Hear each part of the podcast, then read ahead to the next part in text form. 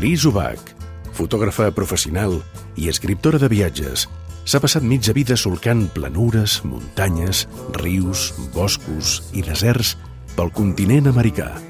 En una mà, el volant, en l'altra, la càmera de retratar i al davant, l'horitzó inabastable. D'aquestes vivències en són les seves cròniques americanes. She twines his spines up slowly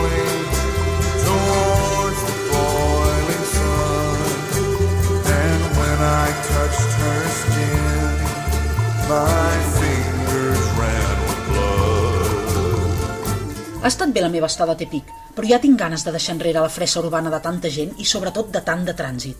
Així que miro el mapa per decidir cap on anar tot seguit.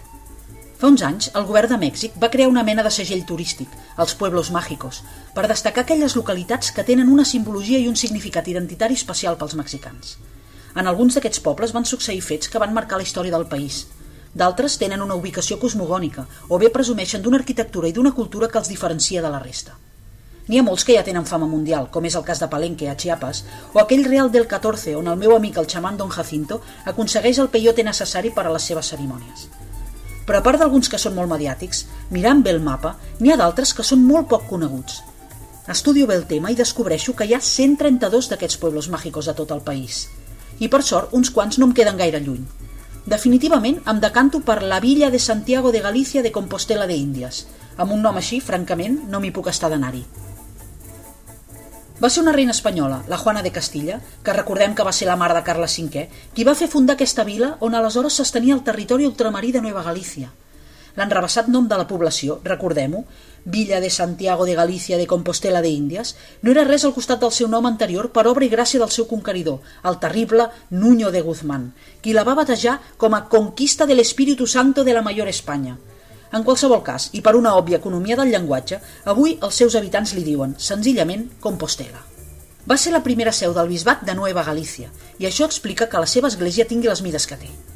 Ben bé sembla que la resta de la ciutat se li hagi encongit al voltant, i com era d'esperar, el temple es diu Parròquia de Santiago Apóstol. Compostela és una ciutat rodejada de ranxos i camps de cultiu, i deu ser per aquest motiu que tanta gent aquí vesteix barret i botes de cowboy. Entro en una botiga de talabarteria i la dependenta m'explica que molta gent de l'entorn de la sierra baixa a la ciutat per comprar objectes de cuir i paraments pels cavalls. Es veu que els artesans d'aquí tenen fama a nivell nacional. La botiga en qüestió, que es diu Les Tres Xules, està plena fins dalt de botes de tot tipus de pell. Crec que algunes són de serpa autèntica. Hi ha cinturons amb cibelles gegantines, polaines, barrets d'ala ampla i una sella de muntar artesanal que la senyora vol que m'emporti a meitat de preu. Senyora, no tengo caballo, li dic. No hay problema, así cuando te compres uno ya tendrás la silla.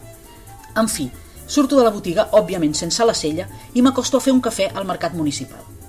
Entro a una cafeteria petitíssima, familiar, i un dels qui volta per allà és la viva imatge, i no és broma, d'aquell Juan Valdés de l'anunci, camisa de quadres, barret blanc de ranxer i un d'aquells bigotis prominents que llueixen molts dels senyors d'aquesta zona. Resulta que l'home en qüestió és en Manuel Plasencia, l'amo de la finca de Cafetàs. Segons m'explica l'extremadament amable don Manuel, tenen una explotació molt petiteta que tot just serveix per tirar endavant l'economia familiar. Hi treballen ell, el seu fill i la seva dona, que és qui mana la cafeteria. Després d'una estona de conversa, el propietari dels cafetars em convida a conèixer la seva plantació. Segons sembla, estan muntant una mena de centre d'interpretació del cafè i li agradaria que li donés la meva opinió. No s'hi deixen caure gaires turistes estrangers per Compostela, per això agrairà el que pugui dir-li. Encantada, doncs, som-hi, Només sortir de la ciutat comencem a enfilar, ell davant amb el seu 4x4 i jo darrere amb el meu turisme de lloguer, per un turó totalment entapissat per cultius i més cultius. Pocs minuts després d'agafar el volant ja començo a veure les primeres plantes de cafè. Arribem a la propietat del senyor Manuel i l'home, entusiasmat, em fa tota una visita guiada pel camp, la sala on tenen la torradora i l'envasadora. Han penjat alguns plafons amb informació sobre el cafè de varietat aràbiga que cultiven. És prou interessant tot plegat. Li dono la meva positiva opinió i li comento que potser hi podria afegir una botigueta de degustació. El seu cafè és boníssim, la veritat. La seva iniciativa tindrà èxit segur. Marxo de la plantació i de Compostela sense una sella de muntar, però ben comprat dos quilos de cafè en gra que sé exactament de quines plantes han sortit. I això no passa cada dia.